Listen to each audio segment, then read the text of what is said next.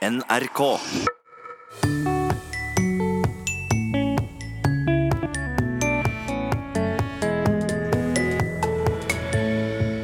Men du, sier dere, sier dere amma eller damma? Ja, Vi sa amma, vi, men det er mange som sier damma. Alf Prøysen sa amma. Andre sier damma. Noen sier serru, og noen sier sant. Er dette bare irriterende fyllord? I det så ligger det jo at eh, de bare brukes for å fylle opp et tomt rom. Men hadde disse ordene vært helt overflødige, så hadde vi ikke brukt dem. Og hvordan ville du reagert hvis noen sa å, ble du tuppin nå? Jeg vet ikke helt hvordan jeg ville reagert på det. Jeg ville nok vært skeptisk, i hvert fall. Hvis jeg skal, jeg skal si, det, si det forsiktig. Ja, det er ikke noe kompliment, tror jeg. Nei. Vel møtt til Språkteigen. Det skal altså handle om små ord først i Språkteigen i dag. Slike små ord som vi gjerne slenger på i slutten av en setning, slik som dette her. Jeg liker ikke fisk, jeg, amma. Amma. Hva betyr det, og hvorfor kommer det på slutten av setningen hos folk på Hedmarken, for eksempel? Sier dere amma eller damma? Ja, Vi sa amma, vi, men det er mange som sier damma. Hva betyr dette amma? Ja, amma det. Ja, amma det er amma det, amma sånn. Rolf Kirkevåg lurte, og Alf Prøysen ble svar skyldig i radioprogrammet Show på Fesjå i 1957. Og fortsatt er det mange ubesvarte spørsmål rundt bruken vår av disse småorda. Så det er, eh, det er litt spesielt. Det har vært forsket veldig lite på funksjonen og betydningen til disse ordene, til tross for at det er Til tross for at det ikke er åpenbart hvordan vi bruker dem. Det sier Kaja Borten, som er professor i språkvitenskap ved NTNU. Hun holder på med et forskningsprosjekt om det som kalles pragmatiske partikler, altså småord som for eksempel amma. Eller, for å gi noen andre eksempler, Jeg kommer tilbake i morgen, sjø. Ta med deg ballen, da. Her var det fint, gitt. Du kommer igjen i morgen, Evon. hva er det ved disse små orda som gjør at hun vil forske på dem? Altså Den ene grunnen er den samme som for alle språkvitenskapelige fenomener. Eh, Språk er systematisk, vi mennesker er nysgjerrige, eh, altså ønsker vi å finne ut hva som er systemet for når man kan bruke disse ordene, og når det ikke er naturlig å bruke dem. Um, Ja, Så jeg syns i hvert fall det her er eh, veldig spennende spørsmål å, å svare på. Og når du sier system, så mener du hvorfor vi bruker dem. Ja, for man kan ikke bruke dem når som helst. Det er et mønster for når det er naturlig å slenge på et sjø i trøndersk f.eks., og når det ikke er naturlig. Eh, Så det ønsker vi å finne ut, eh, finne ut av. Men er de ikke bare overflødig? Altså fyllord? Setningen står jo fint uten et sjø, amma, sant, eller kanskje den verste for noen, liksom? Ja, eh, de blir gjerne sett litt ned på. Eh, Man hører ofte litt sånn nedlatende eh, ytringer om denne typen ord. Altså i begrepet fyllord Ja. så ligger det jo at de ikke har så vesentlig betydning selv, men bare er der for å fylle et tomrom. Men der, men der tror jeg folk rett og slett tar litt feil. Hvordan kan du si det? Nei, altså hadde, hadde disse ordene vært helt overflødige, så hadde vi ikke brukt dem. Sånn er språket. Eh, og dessuten, når man begynner å se på, se på samtaler, eh, og se på når eh, disse ordene brukes, så ser man at det er et mønster. Og at det er visse effekter av disse ordene, selv om det ikke er så lett for språkbrukerne å sette fingeren på hva det er. Du som forsker, da, hva er det du ser? Hva er det dette her gjør i en muntlig samtale? Altså Når vi snakker sammen, så presenterer vi ofte saksforhold, ikke sant? påstander om verden. Eh, og det disse små ordene her gjør, det er at de ofte sier noe om eh, f.eks. hva jeg som snakker, hvordan jeg forholder meg til, eller ser på, eh, det saksforholdet som jeg beskriver. F.eks. om jeg er sikker på det jeg sier, om jeg er litt usikker på det, det jeg sier, om jeg er overrasket over det jeg sier. Eh, Eller det kan handle om eh, hvordan jeg tenker at du som tilhører eh, skal forholde deg til innholdet i ytringen. F.eks. om jeg forventer et svar fra deg. Eller det kan si noe om eh, hvordan innholdet i ytringen relaterer seg til ting vi har snakket om tidligere. Om dette er noe som står i kontrast til noe vi har snakket om tidligere, f.eks. Så det handler ikke så mye om hva jeg sier om verden, men mer hvordan jeg presenterer det. Ja, altså Sånne små ord rommer egentlig veldig mye informasjon. Det gjør de. Eh, Så det, det er en veldig eh, rask måte å antyde noe om hva det er vi ønsker å kommunisere. Veldig nyttig ord, faktisk. Hvis vi skulle sagt alt det her med rene ord, så ville det blitt en fryktelig kjedelig samtale. For da måtte man sitte og sagt jeg er helt sikker på det jeg sier nå, eller kan du Torunn være snill og svare på det jeg nevner nå? Um, ja, Så sånn ville vi ikke hatt det, det kan jeg love deg. Akkurat så en veldig, veldig effektivisering av språket. Ja, det er det. I samtaler må ting skje litt fort, mm. og disse ordene hjelper oss med det. Så altså små ord som rommer mye interessant informasjon, og som du nå forsker på. Og hva konkret er det du vil finne ut av? Det er flere ting. Eh, Så vi, vi ser på eh, hvem det er som bruker dem, altså i hvilke geografiske områder man bruker hvilke uttrykk, hvilke alder personen er som bruker dem, og kjønn. Og så undersøker vi funksjon og betydning, altså eh, hvorfor bruker vi disse ordene. Em, Vi har eh, så smått begynt å se på det historiske opphavet til enkelte av uttrykkene.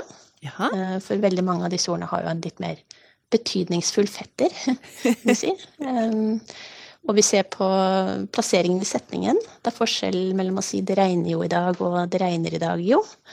Um, og så har vi sett litt på dette med opplæring av de som skal lære seg norsk. Eh, For mange utlendinger lurer på f.eks. hvorfor vi noen ganger har med et 'da' til slutt i setningen. Ta med deg ballen, da! Så lurer de på hvorfor, og så bør vi jo kunne forklare dem det. Og så da er spørsmålet bør vi undervise om den typen ord, og hvordan kan vi gjøre det? Du nevnte da det historiske opphavet, eller som du sa, den litt mer betydningsfulle fetteren. Det er ofte noe jeg får spørsmål om her i Språkteigen. Hvis vi for eksempel tar den her. Her var det fint, gitt. Det ble tatt opp eh, i Språkteigen for et par år sia, og da ga Toril Oppsal svaret på hvem fetteren er. Eh, den fins også i varianten get. Eh, og dette her kommer faktisk fra ordet gutt.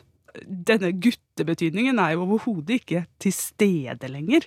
Eh, jeg tror ikke mange tenker på en gutt, get, men det er nok en gutt, get, som er, ligger til grunn for gitt. Og så var det denne. Jeg liker ikke fisk, jeg, amma. Der antas det at fetteren er uttrykket da må vetta. Og du har flere fettere, Kaja. Til for eksempel denne her. Jeg kommer tilbake i morgen, sjø. Ja, der er opphavet 'ser du'. Eh, ikke 'skjønner du', som mange, mange tror. Um, og så har vi 'ass', eh, som er ungdomsspråk. Kult, ass. Som selvfølgelig slekter på 'altså'. Ja, og slik er det med, er det med alle disse smårene, faktisk. Mm. Og vi kan jo slenge på et uttrykk fra Gudbrandsdalen. Du kommer att i morgen, er vond. Fetteren til det er er det von? Og nå har vi tatt et knippe med småord, men Kaja, du har mange flere. Eh, ja, det er jo mange. Eh, vi har eh, sant, sant vel, ikke sant, altså, ass, liksom, liksom, lell, hell, da, man tru, skal tru. Ja, massevis av disse uttrykkene. Du kan bare fortsette og fortsette, og du har ca. 50 ord på ei liste. Men du vil ha fler, du jakter på fler, og da er det slik at du ber om hjelp, ikke sant? Det gjør vi, vet du. Eh, Så vi har et spørreskjema som vi sender rundt til eh, 100 steder i Norge. Og på hvert sted så vil vi ha fire informanter. Eh, To eldre informanter, to yngre, to kvinner, to menn. Og vi har fått eh, veldig mange svar så langt, men så mangler vi noen. Eh, Så vi vil veldig gjerne at eh, Språkteigens lyttere melder seg som informanter. Og hvem er du på jakt etter? Du, vi har en liste med steder i Norge der vi trenger flere informanter, og den lista er litt for lang til å liste opp her. Ja. Så jeg tror jeg bare må si det sånn at eh, de som kunne tenke seg å bidra til denne forskningen, eh, de må gå inn på Facebook-siden til eh, Språkteigen og så se om de oppfyller kriteriene. Jeg skal legge ut informasjon i Facebook-gruppa vår, men hvilken aldersgruppe er det du leter etter? Det er eh, to aldersgrupper. Den yngste er fra 16 til 30, tror jeg, og den eldste er fra 50 og oppover. Så 40-åringene er ekskludert, da. Men det håper jeg vi er tilgitt. Men eh, jeg er snart 50 år, eh, kommer fra Trysil. Vil du ha et ord derfra her og nå? Ja, gjerne. Ja. Ja. Ja, for i Trysil så sier vi 'se det'. Så det tror jeg er fetteren. Ja, nettopp. Ja. Nettopp. Og så blir eh, oppgaven til språkforskerne å prøve å finne ut når dere sier så det, og når det ikke passer å si så det. Nemlig. Kjempespennende. Den var med. Mm, det er bra. Nå sanker du altså ord, men når kan vi få noen svar på hva du har funnet ut? Ah, ja, altså vi forskere holder jo gjerne på en stund, men eh, det kommer nok en del artikler de nærmeste to årene. Eh, og så allerede nå i høst så kommer det et eh, temanummer om slike småord i Norsk lingvistisk tidsskrift. Og når det temanummeret er ute, så skal vi også lansere en nettside for folk flest. Som eh, vi gir navnet Les deg vel. Og der skal det handle om eh, småord. Mm. Og vil du bidra til dette forskningsprosjektet, så følg med på Språkteigen sin Facebook-side. Du må melde deg innen midten av september. Det er professor i språkvitenskap Kaja Borten som jobber med et forskningsprosjekt om etterhengte småord i norske dialekter.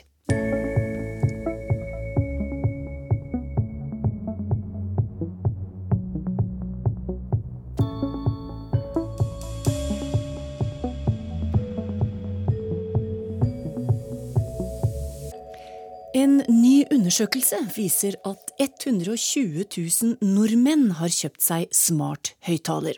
Det vil si en høyttaler du prater til, den kan eksempel sette på musikk, kjøpe ting eller slå på lyset for deg.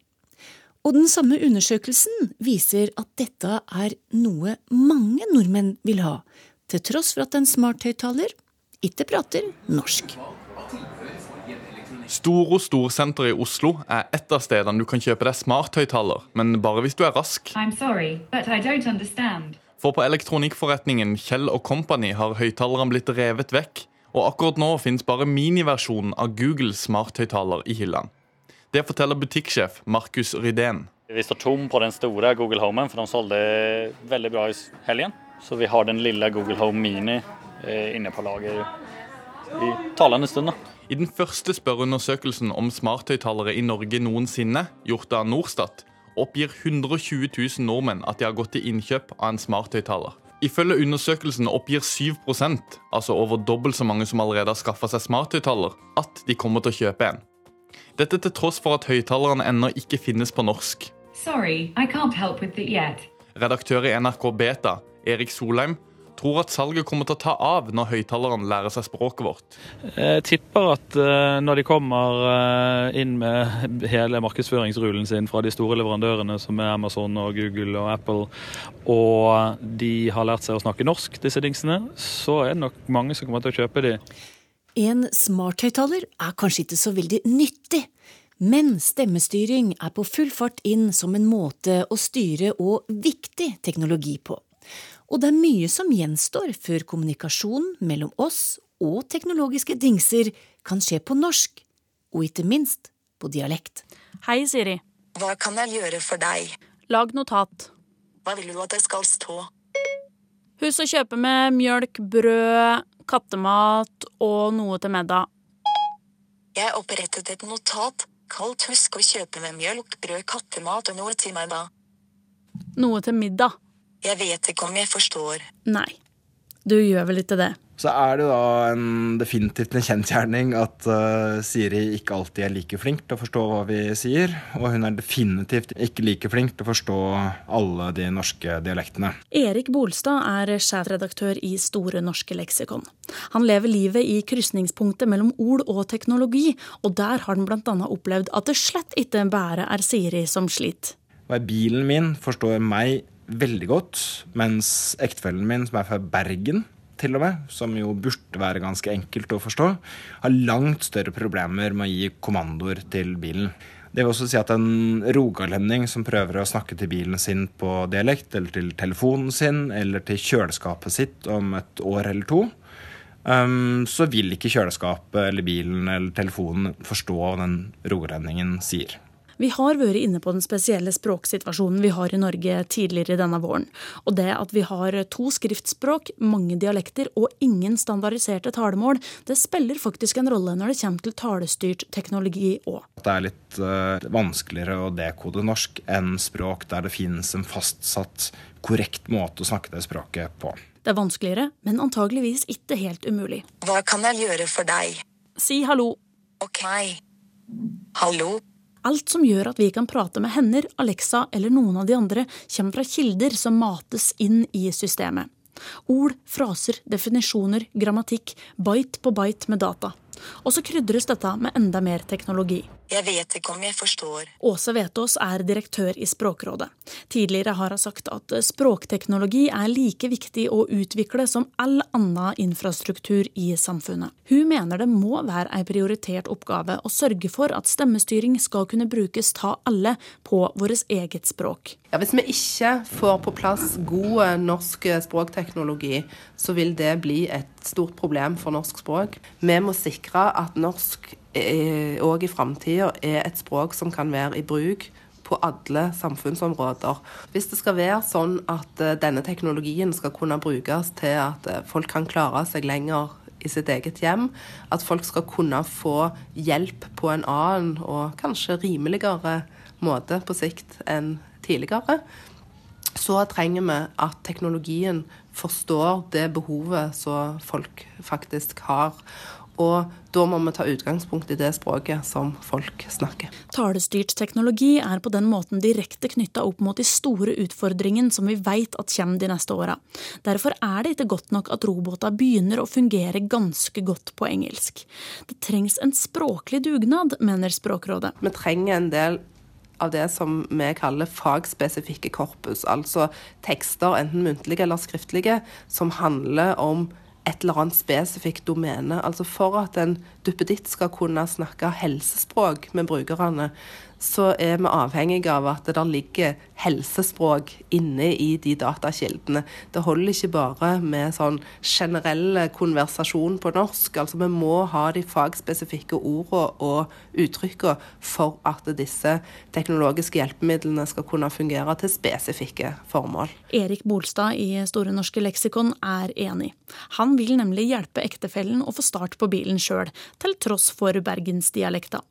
For å få til det må Siri og de andre damene mates med ord. For norsk så er det en sånn halvgod situasjon. Vi har en uh, Nasjonalbibliotek og Språkrådet har publisert en del gode eller halvgode um, kilder som kan brukes for at en maskin skal kunne lære seg, lære seg norsk.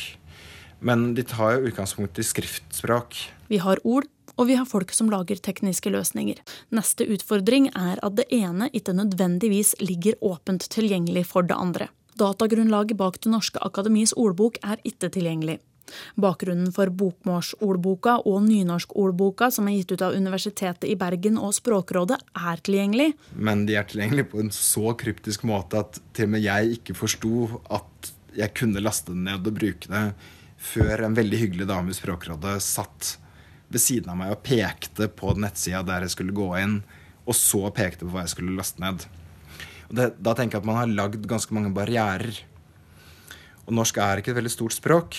Og jeg tenker at hvis vi skal være helt sikre på at kjøleskapene våre og mobiltelefonene våre og biler og PC-er og lenestoler At alle mm, ja, forstår nynorsk. Eller forstår bokmål, eller forstår dialekt. Hvis det skal skje, så må vi gi det gode datakilder, og de må være lette å finne, og de må være lette å forstå og lette å bruke på norsk. Tror du de kommer til å kunne prate norsk, og kanskje dialekter, etter hvert? Ja, det tror jeg faktisk. Og nå er det vel Google som har uttalt at Google Home, som er deres sånn smarte eh, høyttaler, at den kommer på norsk i løpet av året. De sier jo aldri akkurat når, men, eh, men de har sagt at den skal komme på norsk. Og pga. denne kunstig intelligensen og mulighetene som det gir, så tror jeg faktisk at eh, de kommer til å klare det. Dette, og de vil også bruke Når de kommer i gang, så kan det godt hende at ikke de er så veldig gode med en gang, men så vil de jo bruke all Jo mer du prater med den, jo flinkere blir den til å forstå. Noe er på gang, mye gjenstår før dingsa kan styres på norsk og på dialekt. Vi hørte redaktør i NRK Beta, Eirik Solheim. Reportere var Daniel Eriksen og Helle Therese Kongsrud, og deler av dette innslaget var et gjenhør fra juli.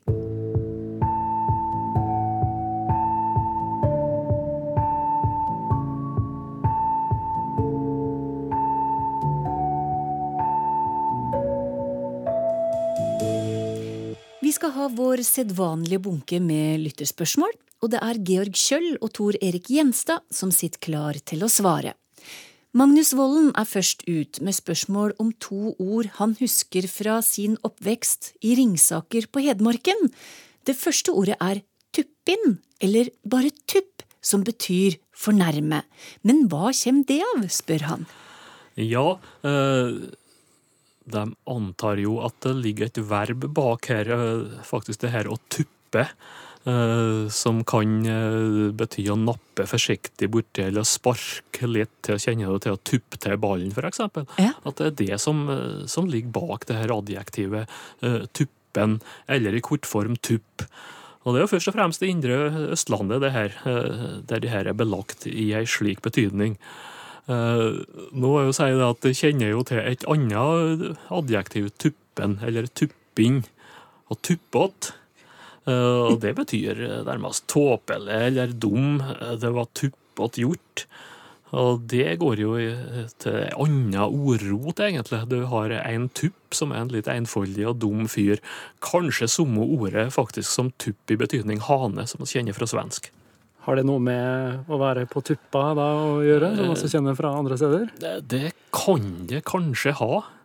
Eh, For det, det tør jeg ikke si sikkert, men eh, du- du blir jo litt, litt på tuppa når du er fornærma, da. Men det er jo nesten noe søtt over det hvis noen, Georg, du blir litt fornærma, så sier vårt du tuppin nå, Georg? Ja, Det er nesten altså- så bli blid igjen, vet du. Ja, kanskje, hvis du ikke ender opp med å, å ta det i den retningen eh, som er å være på, på tuppa, da, og være Ja, og, og gjøre den assosiasjonen til eh, til høns, og ja, det er jo, eh, der er det jo et rikt monn av fornærmelser. eh, Og der har du jo i tillegg assosiasjonen, den feminine assosiasjonen og sånn, som, som folk er veldig glad i å, å, å snike inn eh, når de skal, når de skal ja, være litt nedlatende, eh, bruke litt hersketeknikker. Så jeg vet ikke helt eh, jeg vet ikke helt hvordan jeg ville reagert på det. Jeg ville nok vært skeptisk, i hvert fall.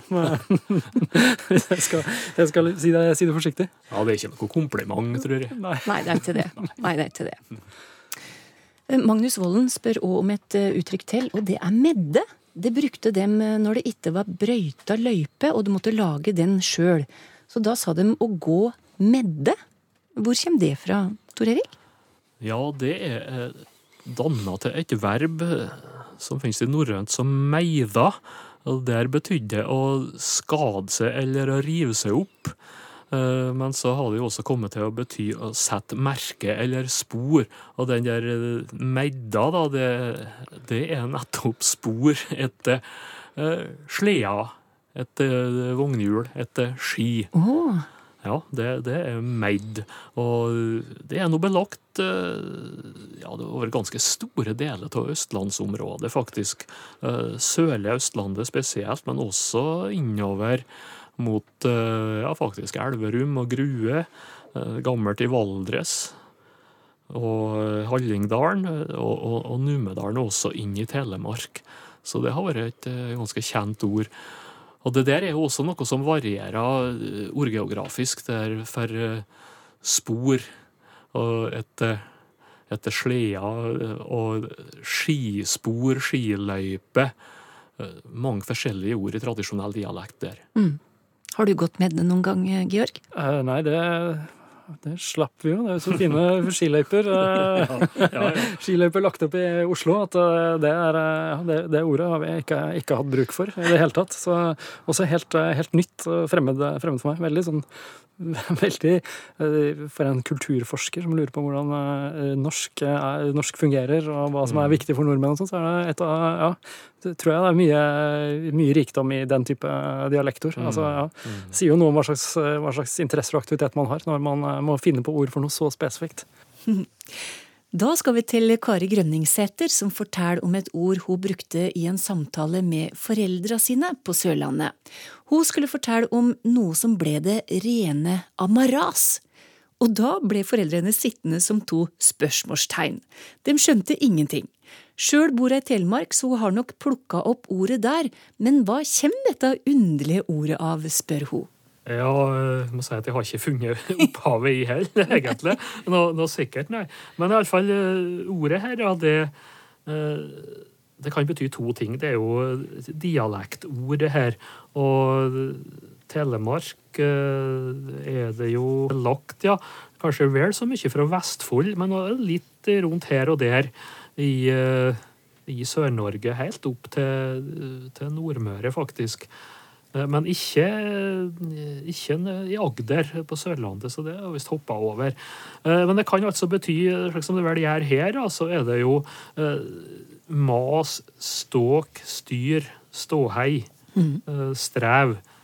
En annen ting det kan bety, det er ikke fullt så vanlig, men også fra en eh, del litt spredde plasser, det er eh, skrot.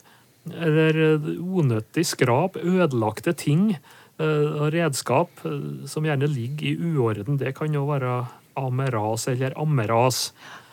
Men det har ikke noe sikkert opphav. altså Det, det ser jo ut som sisteleddet her det- minner jo om ord som er danna etter det her helst franske suffikset age, eh, som du har eh, altså f.eks. i lekkasje. Eh, sånne ord får ofte as som ending dialektalt, sånn som akkedas, for eksempel, eh, om eh, ja, diskusjon, eller akkedering. Ja. Eh, Det kan hete akkedas. Så det minner jo om det. Eh, Men hva det er det første her, da, det Altså, hvis det er snakk om redskap, eh, hvis det er det opprinnelige ammeraset, så har du et ord ambo. Gammelt, eh, tradisjonelt ord om, som betyr redskap. Saker og ting. Knivambo, for eksempel. Eh, Men hvis det derimot er det her med strev og bal, så har du et eh, verb å ama eller å ame, som annet betyr å anstrenge seg. Så det der kan jo være kandidater til førsteleddet. Jeg har ikke funnet noe direkte låneord, verken fransk eller noe annet, som eh, kan være utgangspunktet her. Så det ser ut til at det er eh, det er heimprodusert, men delvis et eh, fransk mønster. ja, Hjemmelaga, men etter fransk metode, ja. Ja, på, på lisens. ja. Det er et artig ord, da. ja, det er jo det. Jeg tenker også at eh, det er den franske avledningen som vi finner igjen i, eh, i slabras, f.eks. Eh, sammenkokt mat, eh, blandet drikk, eller eh, enda bedre ordet suppedas, eh, avled, som er avledet av suppe. Eh, ofte misforstått som suppedass, eh, men det er en suppe, suppedass. Vi har også fri ras og kanskje litt mer alvorlige, alvorlige ordet disputas, mm. som ikke høres like, like artig ut. Eh, men eh, ja, litt at det er den samme, eh, samme av, avledningen, samme eh, endelsen. Men eh, ikke, ikke den mest vanlige eh, endelsen på, på moderne norsk, men vi finner det igjen, altså. Ja, jeg tror, inne på noe der, altså. At det, det, det, også det, det gir fynd til det å, å få det til å låte litt grann fremmed, litt lån, litt import. Mm. Det ble siste svaret, det fra Tor Erik Gjenstad og Georg Kjøll i dag. Men vi tar fram en ny bunke med lyttespørsmål i neste Språkteigen, som kommer om ei uke. Og har du spørsmål til oss om ord eller andre språkfenomener, så ta kontakt med oss via e-post teigen krøllalfa nrk.no, eller bruk Facebook-gruppa til Språkteigen. Der kommer jeg òg til å legge inn informasjon om forskningsprosjektet på småord, der du har anledning til å bidra. Da gjenstår det bare å si ha det bra.